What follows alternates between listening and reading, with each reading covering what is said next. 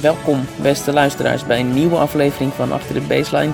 Het heeft even geduurd, maar zoals beloofd, vanaf Wimbledon een nieuwe podcast. Ik heb de afgelopen weken, helaas zonder Abe, Wimbledon op locatie gevolgd. Abe heeft ongetwijfeld eh, uitstekend commentaar geleverd bij de wedstrijden vanuit Nederland. Maar het bezoek heeft voor mij, naast de geweldige ervaring, ook een hoop materiaal opgeleverd. Uh, dat komt allemaal terug in de eerstvolgende editie van Tennis Magazine. Op 28 juli uh, komt het blad uit. Jammer genoeg is het om uiteenlopende redenen en dan met name door die werkzaamheden voor Tennis Magazine niet gelukt om een eerdere podcast op te nemen. Althans, niet te plaatsen. Want ik heb uiteraard wel zeer interessante interviewopnames liggen. Die absoluut in volgende podcast terug zullen komen. Zo heb ik gesproken met de beide finalisten bij de vrouwen in 1977, 40 jaar geleden exact. Betty Steuven, de beste Nederlandse tennister aller tijden. En haar overwinnaar Virginia Wade. En Betty Steuven werd dit jaar overspoeld door aandacht gezien het 40-jarig jubileum van die titel van eh, Virginia Wade, de laatste Britse kampioen op Wimbledon bij de vrouwen. En zoals gezegd komt mijn interview eh, met de beide dames in de volgende podcast terug. Ook heb ik een uitgebreid gesprek gehad met Marijn Bal. Ja, wie is Marijn Bal, zult u denken? Nou, dat is een van de succesvolste tennisagenten van dit moment.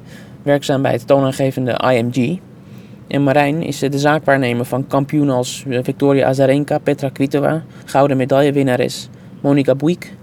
Maar ook van de jonge Cici Bellis bijvoorbeeld, die op Roland Garros Kiki Bertens versloeg. En ook van Marcos Bagdatis. Het is in ieder geval een, een buitengewoon interessant gesprek geweest. En dat zal ook te beluisteren zijn in de volgende podcast. Nu is het tijd om zoveel mogelijk te bespreken wat er de afgelopen twee weken allemaal is gebeurd op Wimbledon.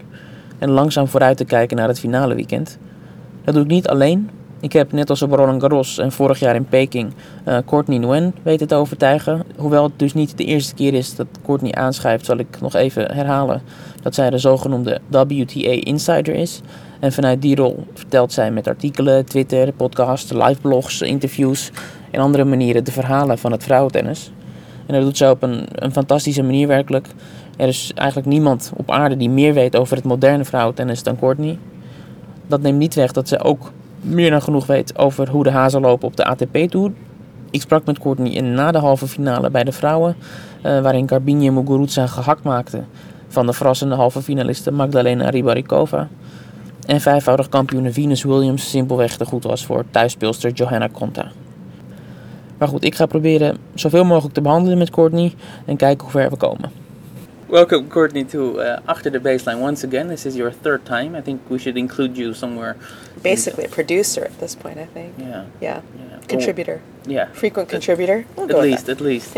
yeah, we're very happy to have you again. Um, we're at Wimbledon now, and first of all, what do you feel about the last two weeks?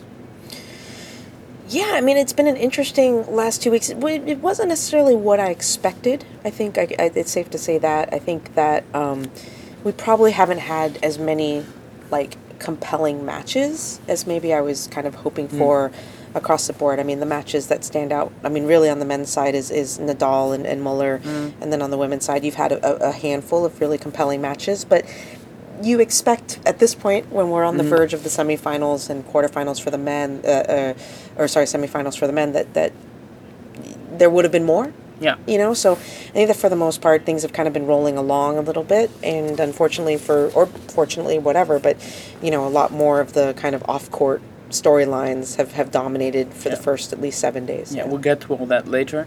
Um, maybe if we compare it to, to Paris, I mean, we were mm. both there, of course. Um, there was also a discussion there. The men's matches were, I mean, the whole tournament was, was less interesting than, than the women's tournament. You yeah, feel the same is happening? Well, I'm, I'm I'm admittedly a little bit biased, probably when I when I weigh in on that. Mm-hmm. I think that, but yes, I think that over the course of the last couple of slams, simply because you really have had for the men's um, a dominant force in the draw that that everybody's already looking towards and everybody already thinks is going to effectively win. So, mm-hmm. in Paris, it was Rafa and going for La Decima, and um, so it was really about Rafa, mm-hmm. regardless mm-hmm. of what Novak was doing, regardless of what Stan or, or Andy were doing. Um, and here it, it's really been about Roger, and, and everybody kind of expects him to, to get it done. And so even though Andy was playing better, and even though Novak was playing better, you still didn't think that it was actually relevant yeah. to what was going to happen on Sunday. So for the men's side, I think that, that that adds a little bit of it. I mean, when there's there's drama, where there's Mhm. tension, where there's uncertainty, then then that's when you get interest and curiosity. And the men's game has kind of had the benefit of always being able to count on the big 4 Mhm. big five, Yeah. you know, guys in deep, and this, so the semifinals and finals would be amazing. Mm, the last two slams, that, that hasn't as much been the case, so I think it, that's why it's probably a little bit flat. Okay, we'll get to all to the draws of the men's sides um, later on. First, the women. I mean, we have the finalists: Venus Williams, five-time champion, against Garbiñe Muguruza, former finalist in 2015 and also French Open champion, of course. Yeah, I mean, I think it's a great final. Mhm. I think it's maybe if you look at the last couple of weeks, it's the best final. If you look at who played best, Sure. I think, I mean, they were head and shoulders above the rest, maybe Yep. even. Um, you've been digging into the statistics a bit in the last couple of uh, weeks. What have you found mainly? Yeah, I mean, I think that they have been. They they've been the the two best players of the tournament. Um, there's no fluking um, in terms of what they were able to do through six matches, um, based on what they've done and the way that they've played. You know, Venus has been serving incredibly well. She's she's been really taking advantage of the body serve. That has been really the big thing that I've noticed with her. And and the thing with Venus going into this matchup and what she's been able to prove already is that she she's coming off of a bunch of matches against very big hitters and she'll play another big hitter in, in Muguruza. And she's hasn't really been bothered too much with that sort of play. Whereas like with Muguruza she's coming into this final having come off of playing quite a few counterpunchers not necessarily power players. And she's gotten through those matches very well particularly the the, the match against Kerber but um, she's the one that's going to have to make the adjustment for the final, not Venus, which adds a little bit of intrigue as well. But they've been playing really, really well. Garby statistically has been the more clutch player. She's only been broken four times all tournament.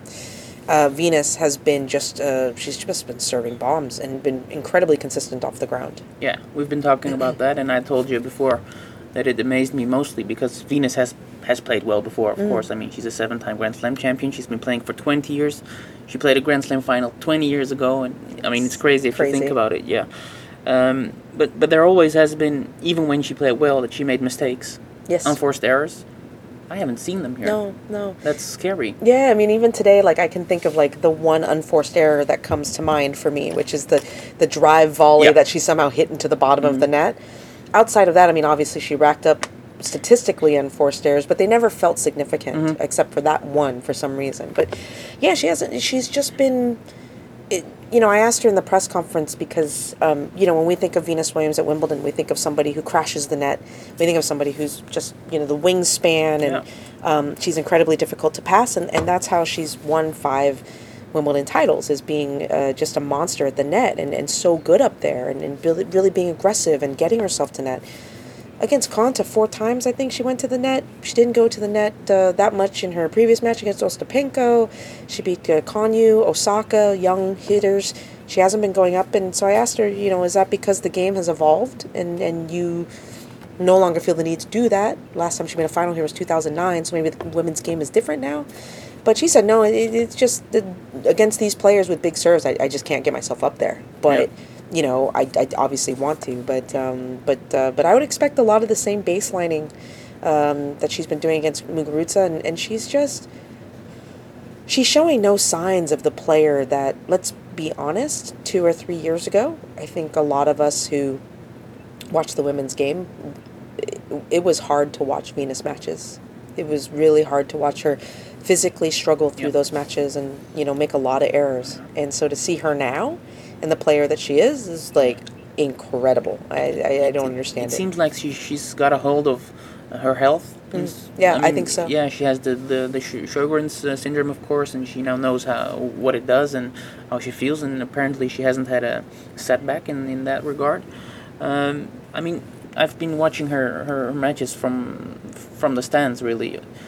And what I notice is the amount of net clearance she has Mm. on her forehand side mainly. I mean, sometimes she, she hits a heavy spin forehand two meters over the net, and she's Mm. Yeah. not just hitting. No, I, I wonder a little bit if some of that might be the influence of watching Serena for the last year or two, because that's what the big development um, in Serena's game. You know, in the course of her kind of late career dominance, she hasn't. She doesn't just hit through you. I mean, it's a very easy thing for people to say, "Oh, she's just stronger, more powerful than everybody," but that dismisses the tennis that she is playing. And tactically, Serena has become a far better player, you know, now at 35 than she was a few years ago. And, and I think Venus has had to see that. And she's seen that, yeah, that the heavy, you know, the sharp cross court forehand, I don't need to go flat down line. I don't have to go flat cross court. I can hit the big kicker that pulls somebody out wide because now I have confidence in my body that I can then play the next Yeah. two or three shots. And I think that maybe three or four years ago she didn't have that confidence, so she had to go big.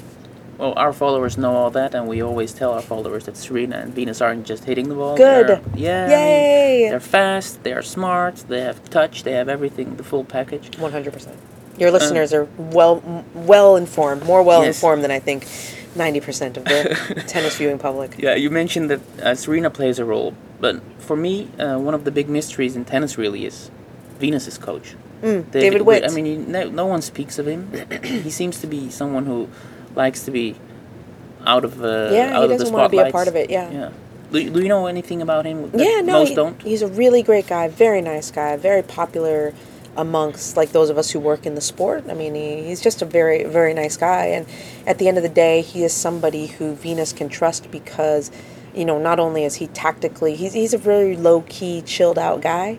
So the message gets across with Venus. I mean, she she she hears what he's saying, and he says it in such a a clear, methodical way. But I think also he doesn't want the spotlight. Precisely what you said before. I think that Venus appreciates that. He's Yeah. very private. Um, he's not there to tell you what's going on with Serena behind the scenes. He's not there to try to sell himself. He's there to help Venus. And you know, if you if you know the Williamses and if you know particularly Venus, you know that that loyalty and that um, that willingness to protect her is bigger than anything else. And and so I think that he's been able to establish that relationship with her and you know it's it's absolutely and, and just the patience to be able to stand by her side as she's gone through all of these health issues and, and not played great tennis at times. And um, but he's always been right there for her. And, and it's uh it's a, it's a, it, you're right. It's a very underrated coaching pupil relationship in the sport Yeah, it'd be interesting to see what happens because they've done a great job. We shouldn't forget that Venus was also in the Australian Open final. yeah exactly She's 37. Mm-hmm. I keep repeating it. I, it, I did find it a strange statistic that it, it's only the second time since 03 that she's in two, Two uh, slam slam finals in a year. in a year. Yeah, and and, and it, it's um, you know I think that it's so interesting to see her the way that she celebrated after beating Coco Vandeweghe to to make the. You know, it's a viral video. It Yeah. was the most joyous thing that Mhm. you've The ever seen in tennis. Yeah, yeah. it's just phenomenal. and then today, when she beat Konta out there, and uh, you know, obviously a tough contested uh, um, match, she acted like she was Yeah. still in the tournament. I mean, like you know, she Mm-hmm. celebrated like she won when she in the Australian Open. This time she she's got one more to do, and um, yeah, I mean, if if she wins on Saturday, she will be number one in, in the Porsche race to Yeah. Singapore, which is absurd. I mean, I'm sorry, like Yeah.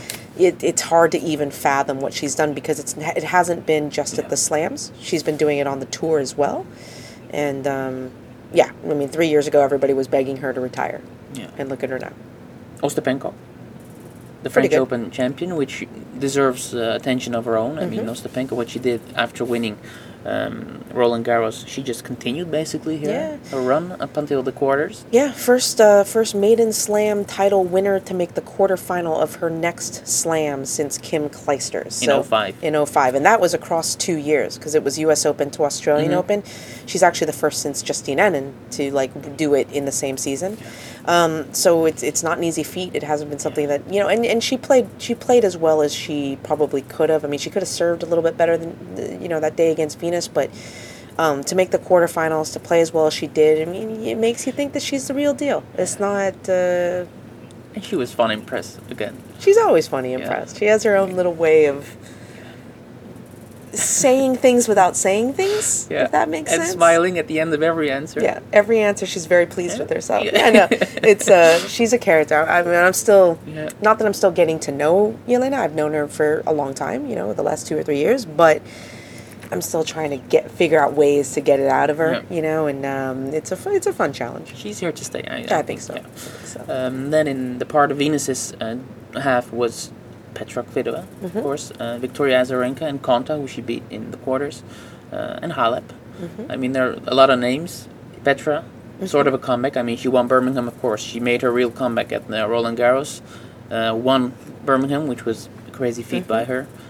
And then every she was the favorite ma- for many. Oh, for sure. Yeah, she Yeah. was the favorite, and then she crashed out to Madison Brengle of all Yeah. people. Yeah, Madison Brengle, who is the only woman in 2017 to beat Serena Williams. So uh, there's that fact. And now Yeah. beats uh, Petra Kvitova. But yeah, Petra's struggling, a li- I think, a little bit with the heat. Um, you know, had to call the, the, the, the doctor out the third set and, and check her pulse and blood pressure. And yeah, I mean, she played a great first match. Like, it was one of those where you're like, oh, like, because I didn't think that it was quite fair to make Petra Kvitova the tournament No. favorite. It, that seemed to be a bit um, uh, optimistic, but at the same time, I think that it was a little bit of a reaction to the fact that there was no clear favorite. So, with bookmakers trying to find one, they chose a two-time champion. Fair enough.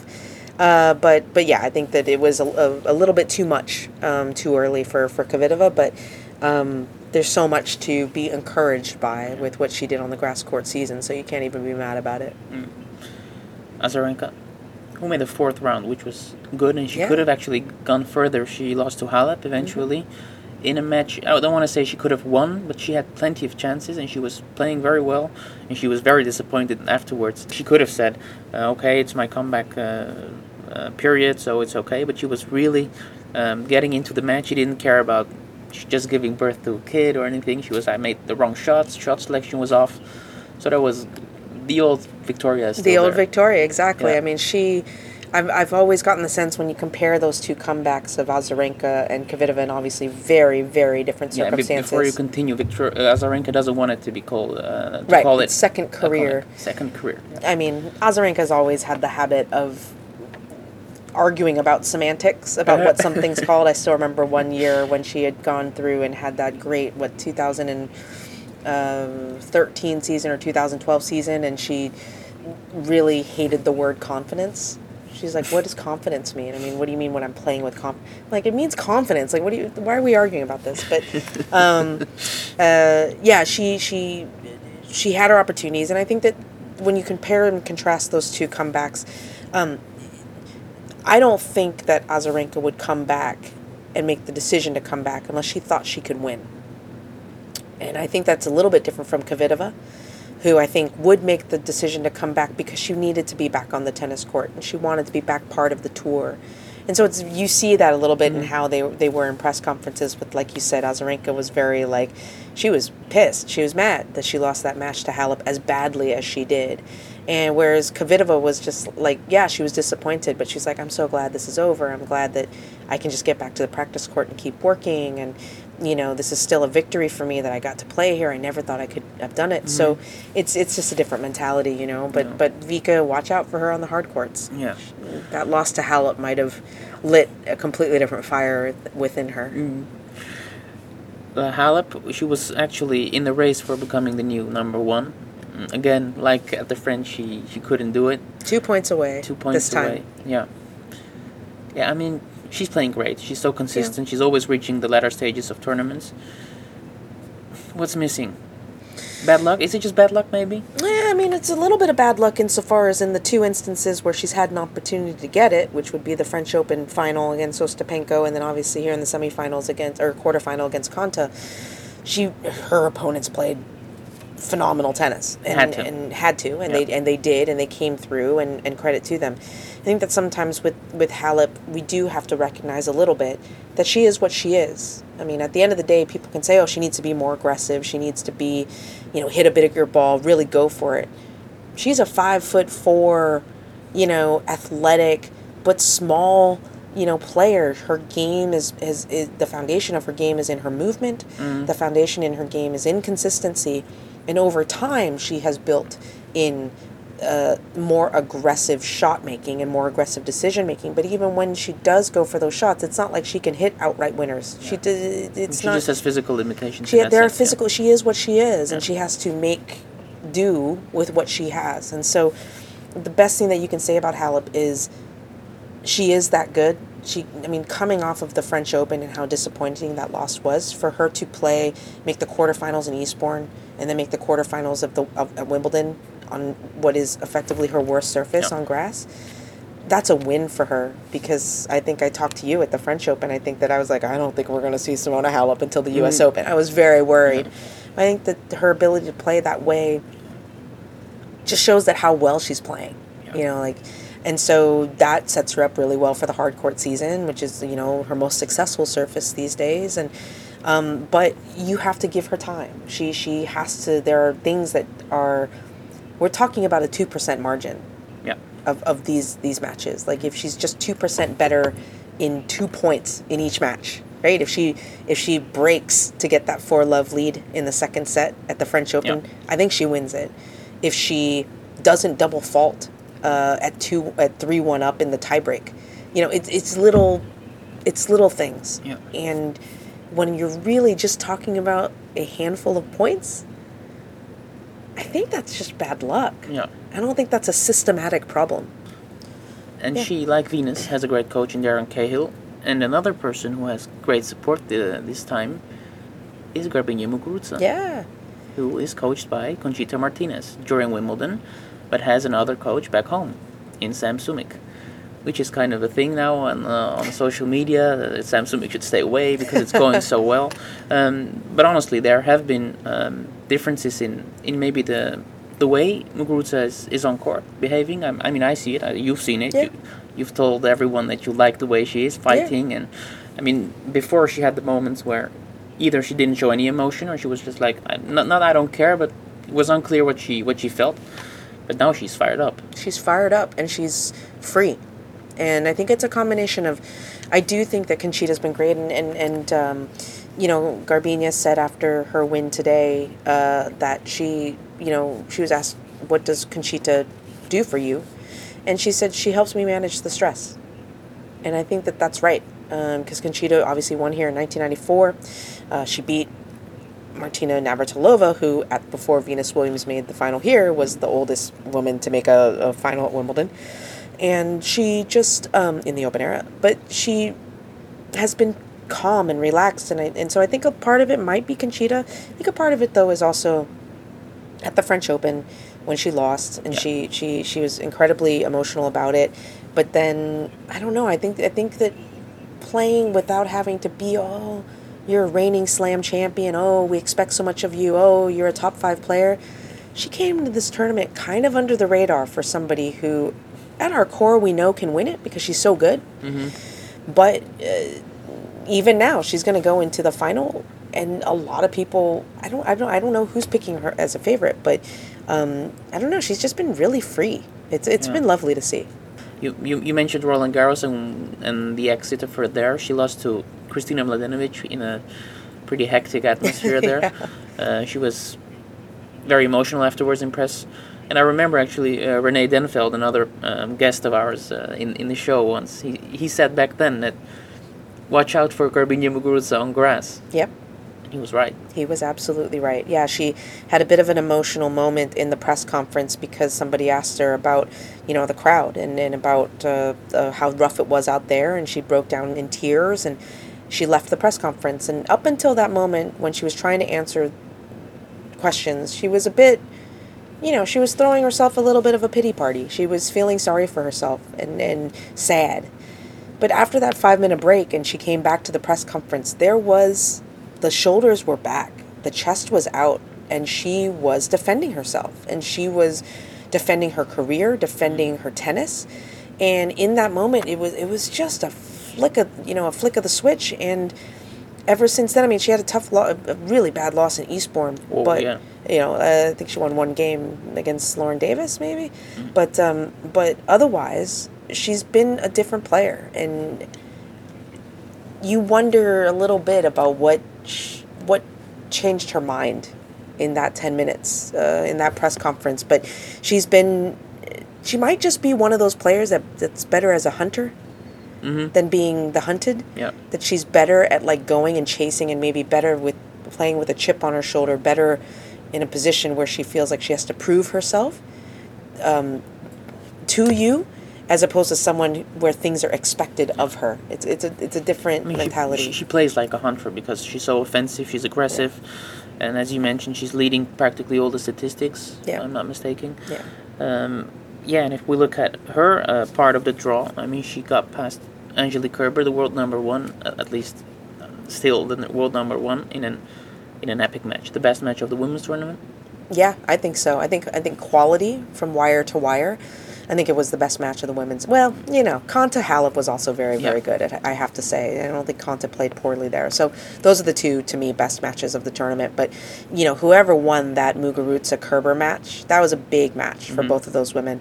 Um, and if Kerber pulled it out, and, and she looked like she could have, she had break points in the third set that that Muguruza was awesome in saving. Um, but uh, but if she wins that match, you wonder if it's not her in the final because she was really rounding yeah. into form and she's great on grass. Made a final here last year, and then she would have been number one if she made the final, uh, retained her number one. But um, it was Muguruza that, that got the better of it, and ever again, ever since then, it's almost like that win really solidified for her that this is a different Garbi, that this is a new new page, mm-hmm. and. Um, yeah, she played great, a great match there. She beat Kuznetsova after that. I mean, she's she's been amazing. Yeah, Kuznetsova also, of course, had a great tournament here yeah, by yeah. reaching the quarters. The first time in ten years she did That's that. Right.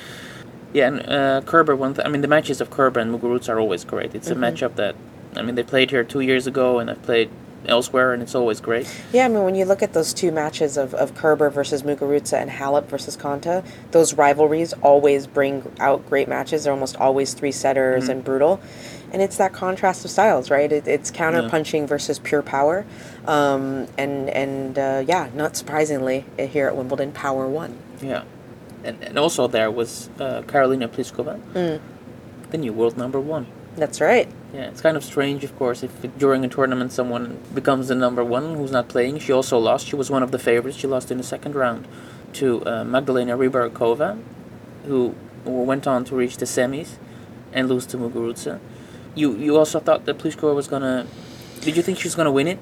I she was my favorite yeah. before the tournament, and when she went out, I, I, I picked Muguruza after that. But um, but yeah, she had been playing great. She won Eastbourne. She obviously is coming off of making the semifinals at, at, at Roland Garros. She's just playing great, not in the same way that we talked about Halep of just like this is just Halep's level mm-hmm. now. Um, that was Pliskova as well. She ran into an absolute lawnmower in Magdalena Rybarikova. Didn't play a bad match at all. Um, and uh, Rybarikova with her game style. And I think that it, she was a little bit in Pliskova's head because even before the match, Pliskova said this is the toughest second round match I've ever had at a, a Grand mm. Slam, and uh, and uh, so I think Rybarikova kind of you know uh, was in her head a little bit. But um, but it's not a bad loss for for Pliskova. It's a bad loss insofar it was it was at ranking Wimbledon, wise and everything, ranking wise and all these sorts of things. But the way that Rybarikova has been playing, she's even with today's loss, eighteen and two on grass yeah. this year. I mean, come on, you know it, it's absurd. She'll move up to number thirty three. Can you say a bit more about her history with uh, with her health as well? Yeah, so so Barakova always a great grass court player, but last year at Wimbledon she played the tournament with a cast on her hand, um, and uh, afterwards uh, underwent two surgeries, one for her wrist and one for her knee. Was off the tour for seven months, didn't come back until February. Somehow made it to a semifinal of a 25k in her first tournament back. It made her feel you know much more confident and uh, and as she went on she she she just continued to play well total uh, won four ITF tournaments coming into Wimbledon two of them 100Ks which are the top level of ITF tournaments pretty top level. Yeah, they're 125s no it's 100K top level of ITF tournaments um, in Surbiton and Ilkley uh, before Wimbledon. And uh, yeah just um, she's stunned by it. She put she pulled off that win over Pliskova. She backed it up, you know, getting a win over Coco Vandeweghe in the, the quarterfinals, which was massive, did it in straight sets, and then just came up across a, a really unbeatable yeah. Muguruza today. Okay, we then look forward to the final. Venus against uh, Muguruza. They have a history. They've played four times before. It's 3 1 uh, for Venus there. Actually, twice Venus won pretty easily. Mm-hmm. Twice we had three sets. And the one time Muguruza won was on clay, and the other three times were in hard courts. I find it a very hard uh, match to predict. Yeah, uh, I agree 100%. Uh, you ask me one minute, I'd say one person. If you ask me another minute, I'd say another person. I, re- I really don't know. I mean, I think that it's so who well. it's who plays better on that day. I think that there's a couple of um, tactical you know things to, to keep out for. I'm, I'm curious to see if, if Venus can continue to serve the way that she has been serving and get the body serve in on on Muguruza. It's it, she completely handcuffed Jo Konta multiple times today with the body serve. She's using it very, very well. Um, Sue Barker was saying on, on BBC, which I thought was an interesting observation, that, that Federer and Venus have been Mm-hmm. using the body serve much more frequently as they've gotten older in order to cut off the angles and not have to run immediately to the second shot, Yeah. um, which is interesting, and it's been working really well for Venus. Um, I think the other thing is, is how successful Muguruza can be at the net. Um, that's been a really, really successful move for her for the past, um, you, know, you know, for the fortnight. But she has been again playing players that don't hit with the pace that Venus does. So can she get herself into the net? Baseline to baseline, I think it's it's it's a it's a total crapshoot. I think that it's it's a 50-50 call once you get into the rally. Um, but yeah, so those are the, the questions that I have: is can Venus serve as well as she has been serving? And secondly, can Muguruza get herself into the net and terminate points? Because I don't think that she wants to get into long baseline rallies with Venus these days. Because as you mentioned, David, Venus doesn't miss anymore. Yeah, let's hope it's going to be. It turns into an epic Wimbledon epic and a three setter. Yep, sure. Yeah. It's been a while Mhm. since we've had three set Yeah. final for the women uh, here at Wimbledon, so it would be nice. Okay, enough about the women. On the men's side, we have two semis coming up tomorrow. On the top half, it's not any Murray, but it's Sam Querrey against Marin Obviously, Cilic. Yeah, everyone's obviously, choice, yeah, yeah. everyone's pre-tournament pick. Yeah. Sam Querrey, who actually beat Novak Djokovic last year is the number one, which was kind of the, the start of the end for Novak, to say it Yeah. dramatically. I mean, Beat Rafa in Acapulco to this beat year. Rafa in so- Acapulco, so he's having a great year, Yeah, yeah. actually. Uh, he's the number 28 in the world. So, uh, an American, I mean, you'll, you'll be proud. Of course. Yeah. yeah, he had a, tr- a tough draw because he beat Tsonga and then Anderson and then Andy, of course. Um, before we get into Querrey against Cilic, let's speak of the number one, Andy Murray, who tried Mhm. in his. Uh, in, he lost in five sets to Querrey with a. It, it seemed pretty bad, the hip injury Yes. he has. Yeah. Yeah, What do you make of it? No, I think that it's absolutely right. I think that at the end of the day, the injury that he had been trying to manage for so long finally caught up with him, um, similarly to Novak as well. But, um, you know, it does seem pretty serious. I mean, he really could not move out there at all. He couldn't push in through the serve. Everything, his entire game kind of fell apart. Um, you know, once Andy Murray doesn't have his movement, his game does fall apart. So, you know, I'll be interested to see when we see him next. You know, is he going to play any Masters tournaments over the summer? I mean, is it so bad that he has to skip the U.S. Open? I don't know. Yeah. Um, I've heard surgery is also an option. yeah, it, it could be, and that's always really distressing because again, Andy Murray's not a young buck anymore, you know, and, and you're thinking about, you know, is that going to take longer to to derail? Do we see him? Yeah, so so it's it's um it's weird because you know with him and and with the the injury struggles of Novak as well, you are kind of looking at the situation where the landscape of the men's side may have changed very quickly in a single day hmm you know, and, and that's a little bit worrisome for some, maybe not for others, because Yeah. it depends on who your favorites are. um, but in terms of like the ATP tour, Yeah. you know, you, you want the best players out there. They're the marquee names, and um, it's it's it's definitely worrisome for them. We're getting glimpses of life after the big four, Yeah. maybe. Yeah. And it, if this is it, I'm not sure if we should be thrilled by it. I mean, with all due respect to queer players like Querrey and Cilic, but If it means that Roger Federer wins every single major Yeah. ever since because you know the the field gets a little bit softer i don't know if that's necessarily people are going to complain as much Yeah. but um, Yeah, but yeah it's not it's not ideal it would be something if Roger profits from the absence of those two and just gets another four or five uh, majors. You know what i've seen i've seen crazier things in this sport i wouldn't i wouldn't count him against Yeah. i wouldn't count against him Yeah.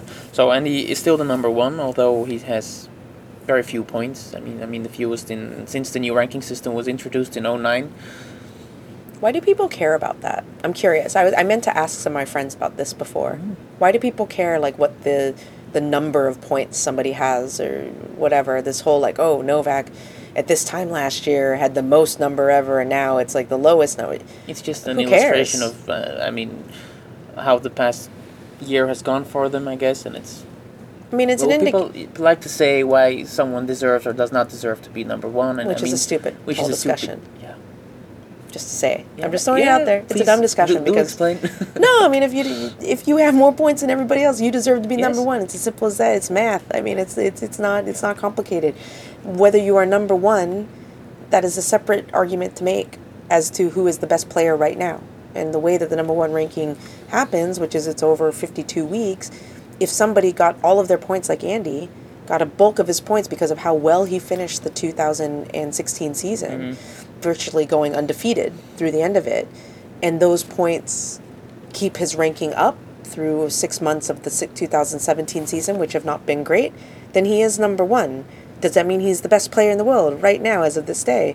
Probably not. But those are two different metrics, right? And Yeah. and and, to be fair, the, they use that metric differently on the women's side than on the men's side, also, because on the women's side it's always the story of oh she's number one but she's never won a slam and that kind of stuff, which tends to happen more often on the on the women's side. But as you said, it's it's math. It's just the way it works, and Yeah, and if you and if you and the whole slamless number one thing is such an absurd thing as well because, again, how are rankings determined? It's fifty two weeks. Right now, Karolina Pliskova. Well, as of Monday, when Karolina Pliskova takes over the number one ranking and all the Wimbledon points drop off for both the men and the women, she would be the one of the two number ones, Andy Murray and Karolina Pliskova, that has at least made a slam final yeah. in the last 52 weeks. Yeah, so we can talk about year, yeah. this whole idea of like, oh, but Andy won three slams. Okay, but none of those three slams count towards his ranking.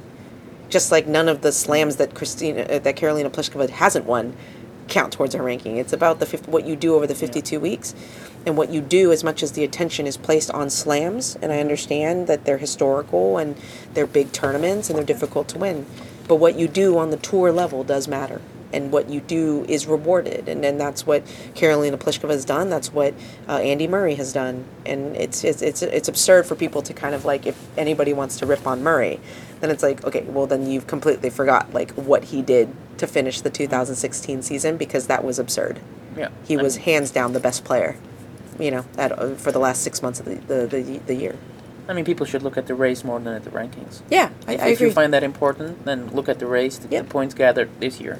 I agree So yeah, Querrey against Cilic, uh, and Cilic, number six in the world. He made three quarterfinals in a row, and now reached his first semi here. I mean, he had a pretty harsh end to his campaign last year by Mhm. losing to Roger, having match points. it's pretty brutal It was brutal. Yeah, uh, but he's back, and he's fired up, like uh, Muguruza says. He's, I mean, with the fist pumps and everything. He's he, he really is on. he looks mission. like the Marin Cilic that made that, that won the U.S. Open. The way he's acting, Yeah. right? Mhm. He's fired. He looks like mad, and Marin Cilic never looks mad. You you know what I mean? Like oh, he always looks angry to me.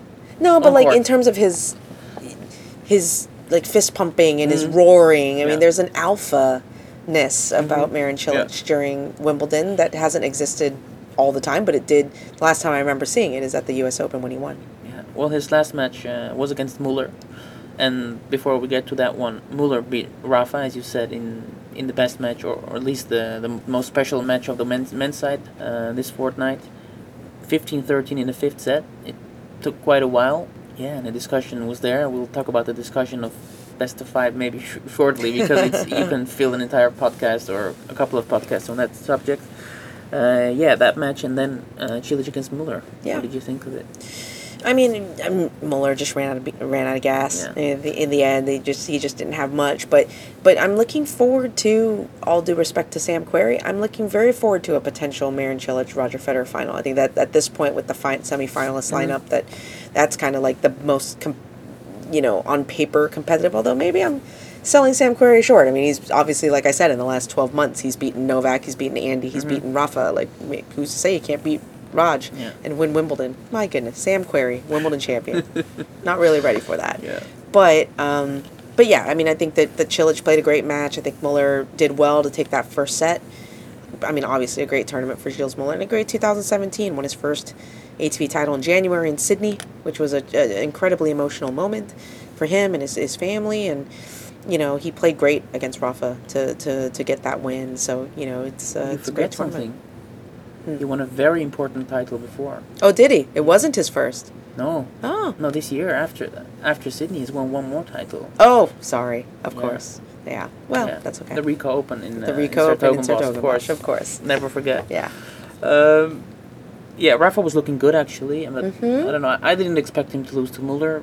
He was playing very well in the matches before that. Rafa at Wimbledon though is just it's, yeah, especially if you look at the last couple of years. Yeah. Yeah, I mean he always like looks good. Like ev- like everybody that I talk to is like, oh, he's absolutely killing the ball in practice. He looks great. He's moving, but there's just something about, you know, Wimbledon. And, and, and Gilles Muller is one of those players, uh, you know, uh, Uncle Tony has called him out by name as being a player that if Rafa has to play that guy on grass, it's a problem. So I think it's kind of one of those things where it's like Gilles Muller was in Yeah. Rafa's head as well. It wasn't a great match, sorry. I mean, like quality wise, it was a great match in terms of like, it was mm-hmm. incredibly dramatic, but the level was quite dire in the fifth set. I mean, it was kind of hard to just watch it. There was just nothing really going on, and yeah, but Yeah. it was a huge test of nerves, and it was so impressive to see Muller just not blink. Yeah. just looked super cool going through it. So it was pretty. It was funny to watch. Yeah, I, I would think that Rafa, maybe he could have used the confidence he gained at the French and then just go on without maybe paying too much attention to who I'm playing on grass and all the Mm. problems that come with it.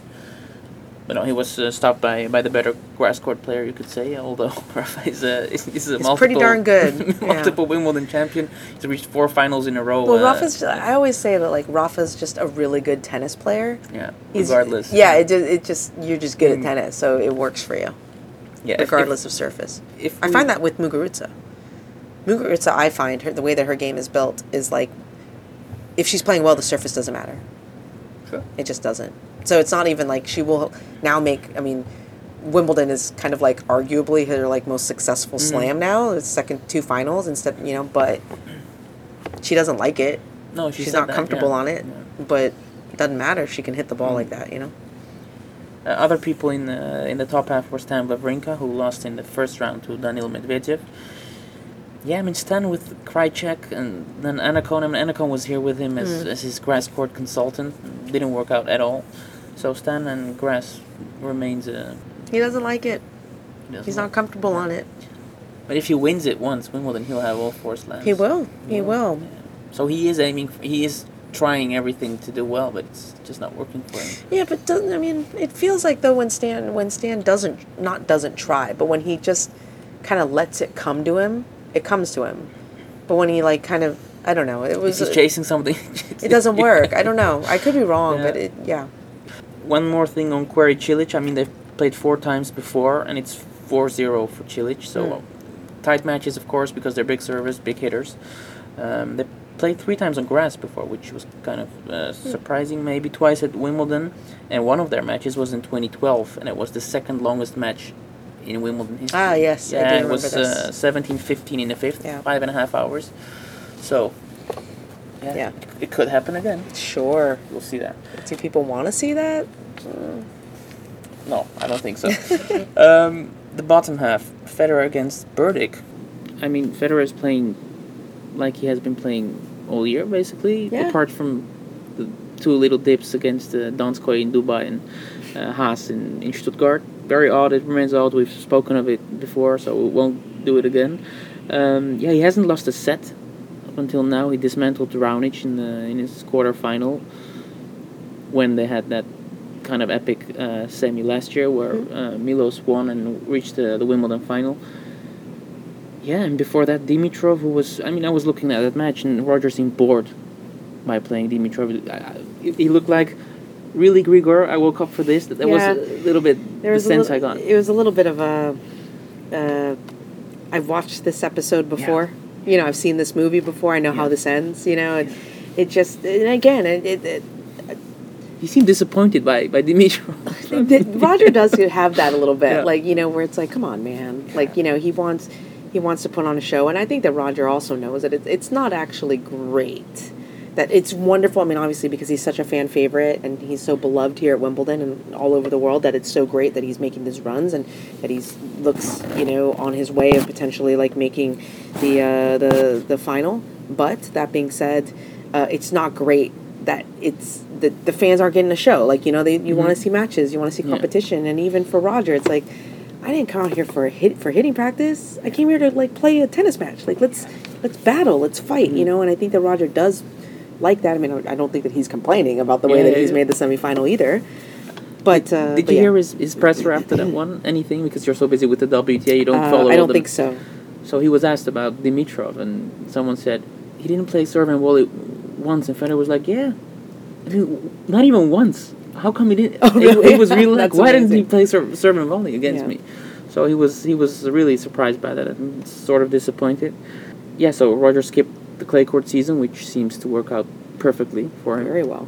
Um, we're already saying, oh, maybe Djokovic and Murray should think of the same thing, which is absurd because I mean, Makes no sense. No. They're still so young. yeah, and they can still play and you know what they're going through physically right now is an accumulation of of of just tough schedules for the last like 2 or 3 years and also just you know 30 years playing tennis Yeah. basically but it's not because because people were like oh it's the clay season that did them and I was like they didn't play that many matches they were losing early all the time like it's Yeah. not like they, they you know they didn't do what Rafa did for example during the Mm-hmm. clay season where he was playing like something like you know 20 matches 20 30 Yeah. matches it, they're fine. It, Yeah. Not fine, but they have to get their injuries addressed. But um, it's not because of the schedule.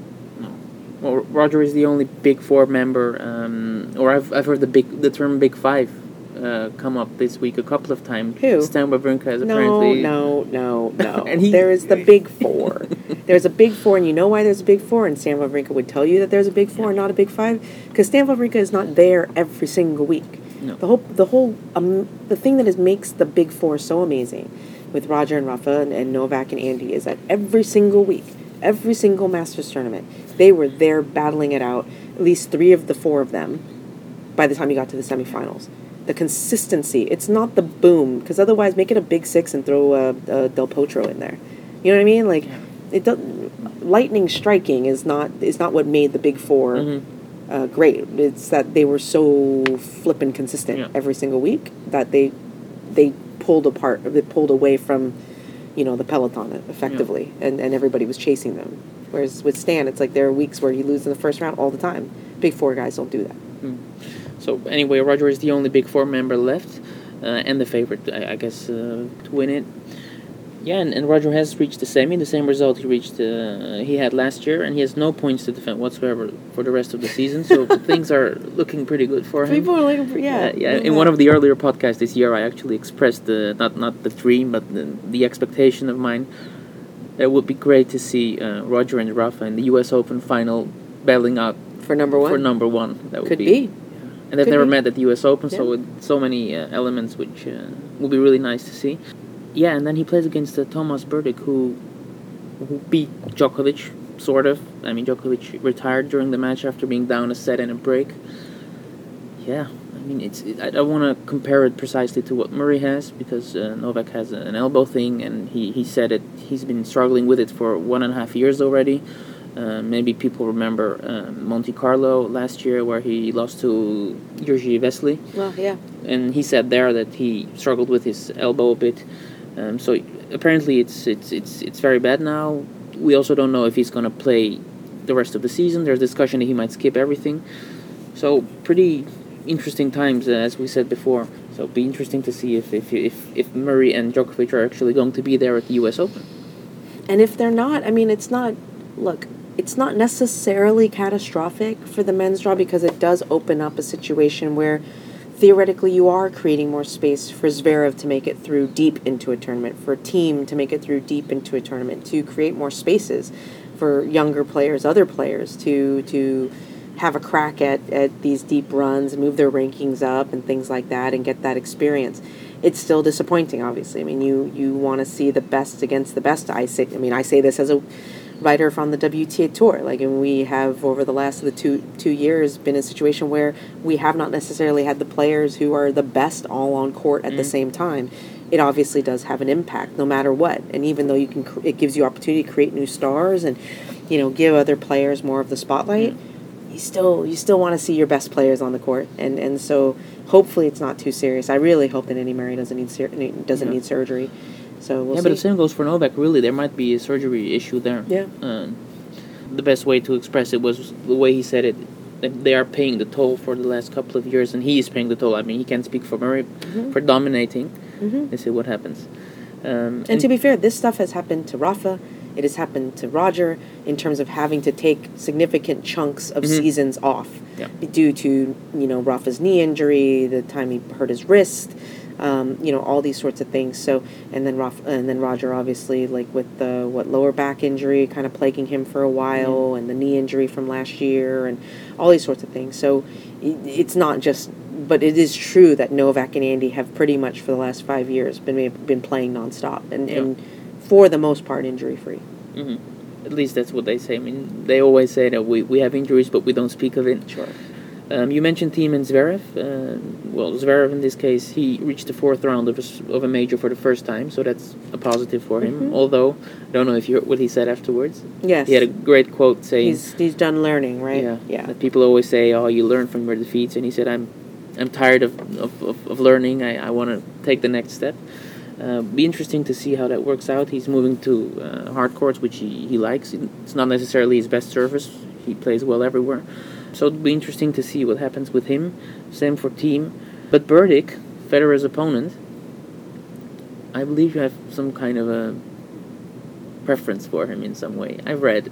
A preference? Yeah, you said on Twitter that you're okay with Berdych winning the whole thing. Oh, I'm totally okay with Berdych winning the whole Yeah. thing because I think that of the final semi of, of the semifinalists and now finalists on the women's side, there is no player that would have come out of nowhere as much as Thomas Berdych. I mean, even if you were to tell me that Sam Querrey won Wimbledon, I would be like, yeah, okay, I guess. I mean, things could kind of break apart, and I suppose Sam Querrey could do something.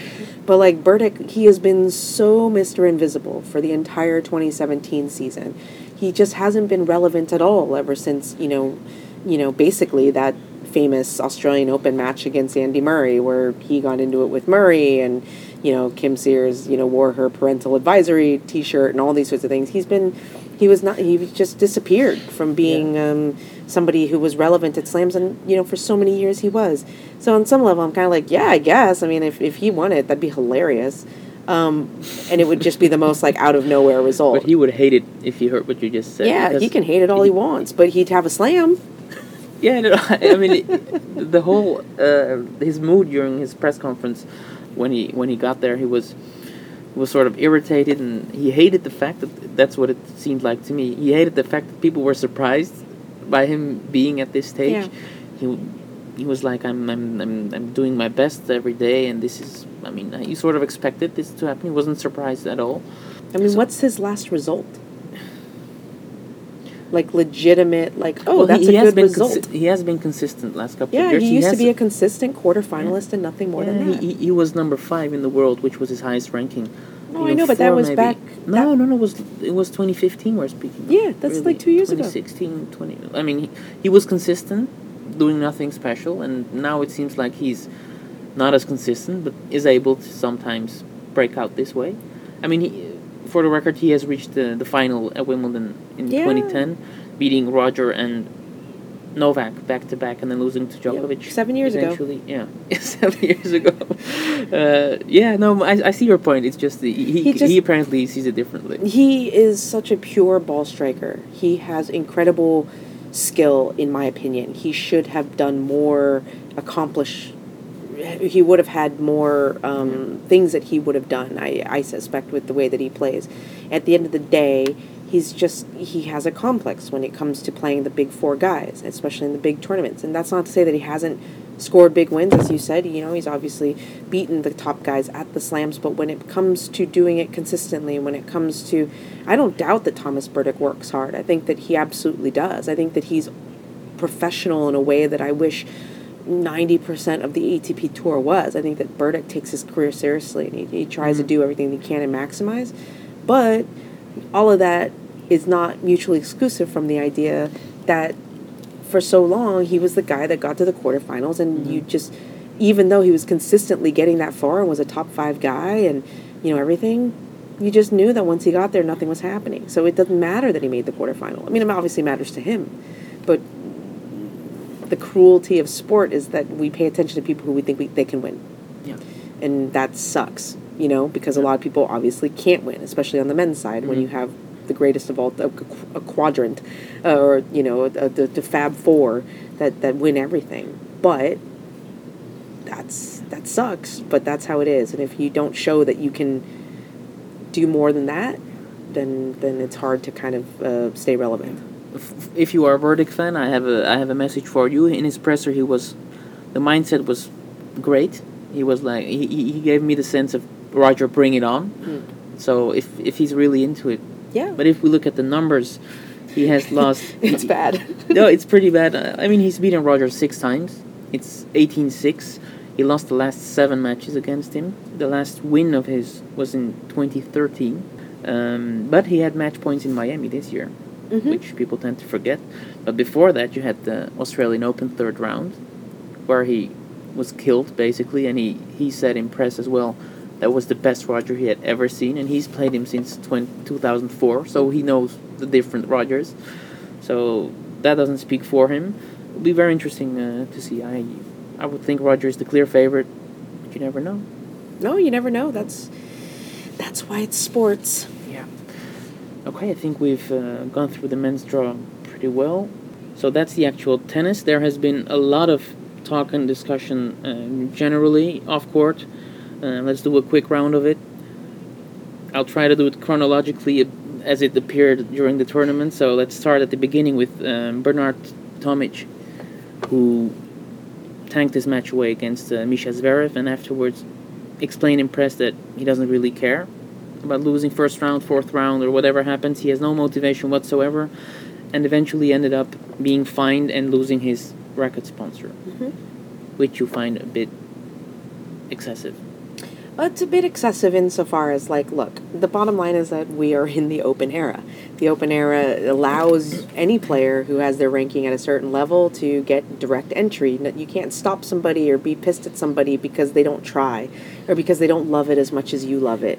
Uh, you know, at the end of the day, Bernard Tomic is talented enough to be where he is, being completely unmotivated. I mean, it's kind of kind of amazing, honestly. But that being said, you know, I don't mind that necessarily that Head dropped him as a racket spon- as a you know in terms of the racket sponsor because look, as a sponsor, you have every right to decide which uh, player you want to be associated with, and I can understand not wanting to be associated with that. Um, in terms of being fined uh, by the All England Club for his comments, which I assume it was a fine because it was unsportsmanlike or Mhm, you know exactly. put the sport in in disrepute fair enough if that's what you want to do. But at the end of the day, Bernard Tomic was being honest. He was asking an honest question. He told you. Um, he's never really hid. Um, he's always been a pretty honest guy Yeah, for wor- much you know for better or worse, and he let you know what was going on in his head. And I think that it is important sometimes as fans and as pundits because sports because we just love sports and we love tennis and we romanticize it and we think oh it would be so amazing if i was a professional tennis player and traveling the world and making millions and it's easy for people to forget it's a job. It's a job like anybody else has a job it just happens to be a job that looks real fun. But there are days where you are not and not just days but but weeks and months and maybe years where you kind of don't like it all that much but it but you get paid for it. You're good enough at it. That's okay it, it's really it doesn't bother me honestly. And i think that at the end of the day the the the, the focus on him and how that story blew up it was because it was the first week was a bit of a slow week when it came to news. And so it was like a thing that people could blow up. And his actual quotes because he was i mean he, he had Sure. been honest before but he was really like i'm 24 i have 10 years left and at the end of my career in 10 years which is he's planning to play for 10 more years uh, i'll have enough money to never work again. Right so yeah that was also part of it so yeah that was that and then you had the daniil medvedev the young russian next gen guy um, who decided to throw his money at um, umpire mariana alves for the he was the way unhappy with went. some line yeah. calls yeah yeah and then afterwards, he uh, he apologized. He said it was stupid, frustration. I have no explanation for why I did it. You have any extra thoughts on that, or did I cover it? Yeah, sure. I mean, it was stupid. Yeah. Um, it's not the first time he's done something stupid or Mhm. said something stupid um, that's been offensive. Um, obviously, the optics of a man throwing coins Mhm. towards a female umpire, and, and granted, she was no longer on the court, but he was throwing it at the, the chair umpires, uh, the chair. Um, that's not a good look, and regardless of, of what you what his intention was, um, and he got fined for it as he as he should. Um, but it's it really unfortunate way for his tournament to end Yeah. because he had been so great in um, how he handled his win over Wawrinka, um, and was really you know in, on his way to kind of making a name for himself as like one of those next gen guys that Yeah. you could like root for and cheer for, and that gesture alone was kind of like nah I don't need it like keep it And he, it's such a pity because he's great in press. He's extremely friendly. Everyone loves him. He always comes in smiling and how are you and good night and everything. it seems genuine. I mean, we don't know. He's young, and we'll, we'll see what happens with him uh, later on. Yeah. Um, then we had the horrific um, incident with Bethany Mattek Sands, who yeah injured her knee badly during her match against Sorana Cirstea. Um, she played it with a wild card, but the, yeah, that moment I was actually I wasn't there, but when I heard it, I ran to it and I heard her scream from. I Mm. mean, eventually, her, do you know precisely what happened to her knee? The patella uh, tendon ruptured um, uh, knee, and led to a dislocation in her Yeah. knee. Her Yes. kneecap was basically up in her thigh. Yeah. If that gives anybody any Yeah. visual indication as to Mhm. what happened there. So yeah, she's gonna be out for a long time, surgery and everything. And I mean, she, she's mainly a very successful doubles player with Lucie Safarova, Mm-hmm. World course. number one, world number one, and they were actually going for the calendar slam. I I would think, non-calendar slam. uh, non-calendar slam. Yeah. Sorry, yeah. So that's not happening. Nope. Very emotional scenes. Unfortunate for them. Then we had John McEnroe saying firstly things about Serena Williams before the tournament. Um, everyone heard that probably that Serena would play the men's tour. She'd be the number seven hundred. Mhm. And then he came to um, to Wimbledon as always, and he compared Djokovic to Tiger Woods, saying, "Oh, you missed that." Oh, I know what you're talking Oh, about. Yeah, yeah. it He compared him to Tiger Woods as in the career path. So what's happening with Novak now is can compare it to what Mhm. Tiger Woods. I think we don't need to get into that any further. John McEnroe has a book coming out. I think Mhm. John McEnroe is trying to sell some books. No, yeah, that's, that's So- yeah, that's possible. uh, then we had the many retirements on the men's side. Um, yeah, way more than on the women's side. Um, and then a discussion again came up: is five sets healthy? I mean, it's it's too big of a discussion to yeah, I mean, get I, into the I think, look, I, here's my argument about five sets. And, and if, first of all, there's a reason why on the ATP Tour they went from five sets at the Masters ti- tournaments to three, best of 3 It Mhm. preserves the, the, the health of the players. It, um, you know, and it's better for t- television. I think Mhm. that's something that a lot of people really don't take into consideration. It's yes, it's this romantic idea of like, yes, let's play best of five, and oh, now we can have four-hour matches, five-hour matches. Isn't that great? No, it's not great for television. and any any television broadcaster Yeah. will tell you that. And my my thing that I would say is, imagine what Grand Slams, what they would look like, and how awesome they would be, if the women played best of three, if the men played best of three, and therefore both the men and the women, the top guys and the top girls, played doubles and mixed doubles. If they played all three disciplines, because the mm-hmm. guys no longer had to worry about being fit enough to play best of five, so Roger was playing in mixed and in, in doubles as well. Rafa was playing in mixed and doubles as well. Andy as well. The top guys, Serena, Venus, all you know, the girls as well. Mm-hmm. You're gonna tell me that that's a crappier event? Then, then otherwise you get to see you get three bites at the apple Yeah. of seeing Roger Federer. You get Yeah. three chances to see Rafa. I think that that is like. I think it would be a great thing. I think it would be better for broadcasters to be able to be able to say like they can create a finer window for for tennis that tennis matches don't have to go on that long. And then you get into situations where you know a match is being bounced around from channel to channel or they have to you know air the news instead of showing you the rest of a match that they didn't budget for. Um, yeah I, I think that the best of three thing if you could do that and like you know everybody actually went back to the way that it was back in the day and everybody you know people won the triple crown right Mhm. like it's the anniversary of billie jean king winning the triple crown both singles mixed and doubles here at wimbledon um, it's pretty cool you know and let's get back to that so that it's not just that there's only seven opportunities to see roger federer but that there's potentially like you know 15 18 Mhm. 19 opportunities Mhm. i think that'd be great You mentioned anniversary, also the anniversary of uh, the triple uh, not getting the crown for Betty Stöve, the best The Dutch, strikeout, yeah, the best Dutch tennis player in history, basically on the women's side at least. Yeah, she. It was 40 years ago, 1977. She lost all the finals here in a Um, single day in a single. No, it was two days. was it two days I think it was two days. Yeah, i heard it was one day really. Oh, that's even worse. yeah uh, yeah, so a lot of attention for her and for the, the woman who beat her in the final, uh, Virginia Wade. I spoke to both of them. It will come out in, a, in another podcast. Um, then the weather, which was great, but had a pretty bad effect on the courts. Yeah. Because the courts are in very um, yeah bad condition really this year, uh, mainly center court. And they say it's because of the hot weather beforehand and during the first week. Yeah, we can't say anything about it further. I mean, no Yeah. opinion there. It's just the case. The scheduling has been a bit off. I think in in, in many uh, ways. Firstly because when the rain came, it one one day actually was the one day they closed the roof. Yeah. And Novak uh, Djokovic was playing on court one, and they decided not to put him on center, and then he ended up playing two days in a row, and eventually ended up retiring with the injury. I'm not saying it's because of that, but That certainly doesn't it, help. It doesn't help. Um, yeah, and plus the other thing with the scheduling was that the amount of uh, women's matches on, on big courts Yeah. was was like it, it was bad. I mean, the, the men got all the, the attention um, and all the big stages. It was, I mean, the balance was totally gone.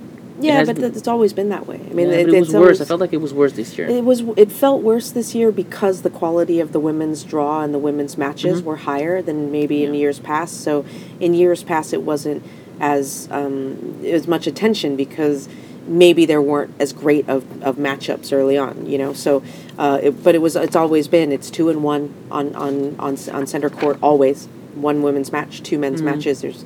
I can't recall when there's been two women's matches on center.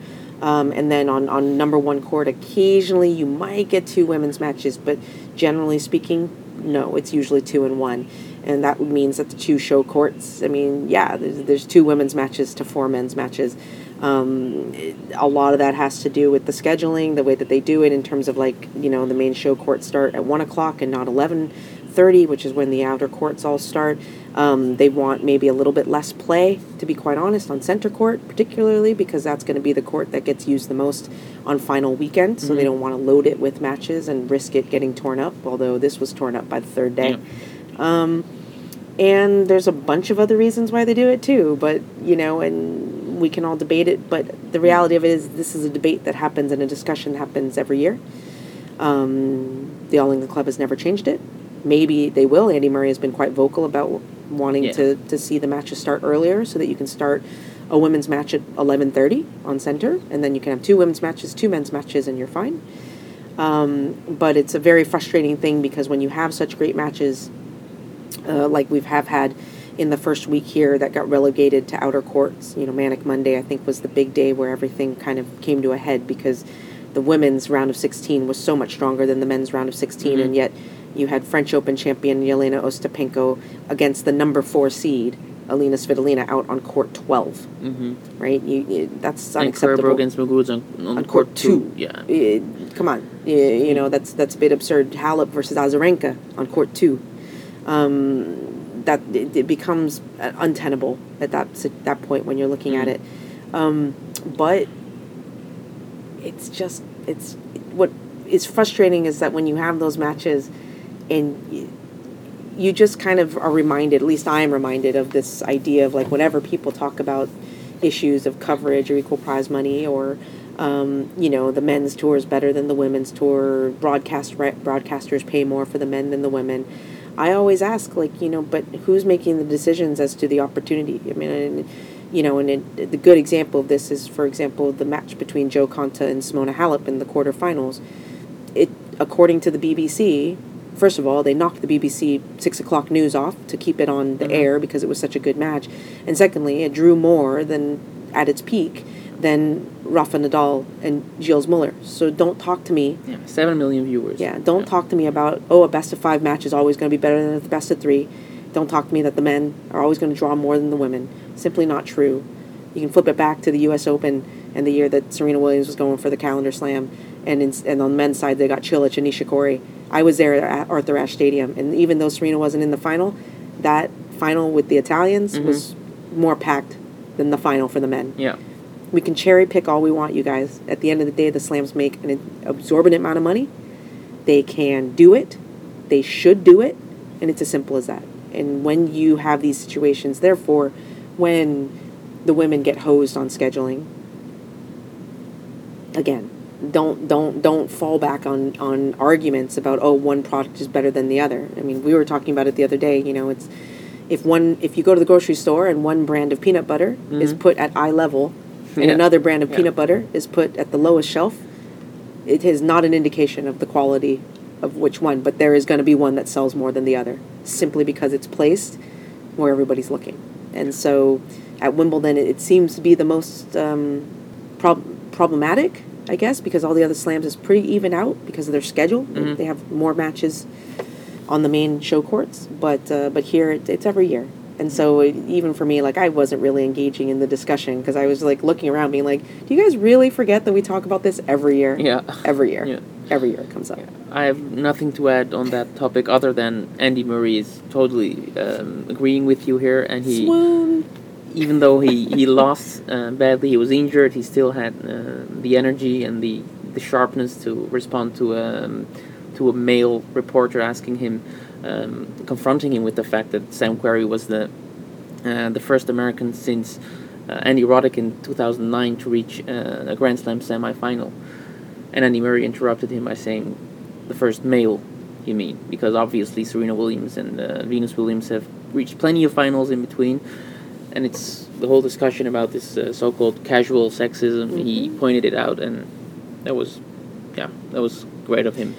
It was very great of him, and, Yeah. and I've seen a lot of like you know backlash tweets where people are like, "Who cares? Everybody knows that the reporter was referring to the man, the men's record, and things like that." But you, you know, look at the number of retweets and number of, and the way that Andy Murray's response has gone viral. People do care, um, and particularly women, because again, like you said, he had just lost. He's dealing with a hip injury.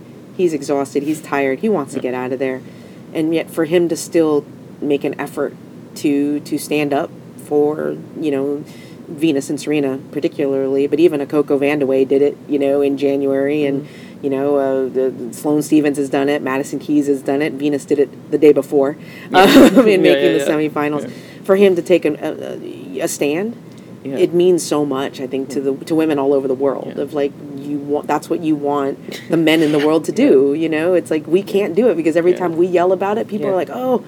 You're being shrill. You're being, you know. But when men say it, other men listen. That's just the reality. I found the previous time he said it uh, during the Olympics even Oh, greater. even so good. I was laughing out loud when uh, he was confronted with, "Oh, you have two gold medals now, and you're the only one," or blah blah blah. Then he said, "I'm pretty sure Venus and Serena have about four each." So yeah, Yeah, exactly. And Yeah. that's that's Andy Murray. That's Yeah. why we love him. That's why he's the official mascot of the WTA. he, his silhouette could be our logo. but he was great, and Yeah. it was it was a really nice moment. And in a lot of ways, it, he I'm sure he wasn't thinking about it because he didn't plan for this question to be asked. But in a lot of ways, his response kind of overlooked what had happened on the court. Mhm. You know, maybe not in Britain, but outside of it, Yeah. it was like Andy Murray lost, but then this happened. You know, and um, and it turned into a very positive moment for him. So so uh, you know, he's the father of a daughter. He's the son of a very strong woman in Judy Murray. His wife, she she's not a, a shirking flower either. uh, he he likes to he likes strong women. Yeah. He's learned from them, and uh, he continues to be quite the champion. Yeah. I think that's a, a nice moment to to wrap it up and hope for a great women's final tomorrow and a, a nice weekend. Thank you very very much again Of for course, joining always. us, and who knows, maybe in the future we will hear you again. I'm sure. I have no doubt about it. okay, great, thank you. Thank you. Nogmaals dank aan Courtney voor haar tijd. En uiteraard heel veel plezier bij de restant van Wimbledon. En heel graag tot de volgende podcast die spoedig zal volgen.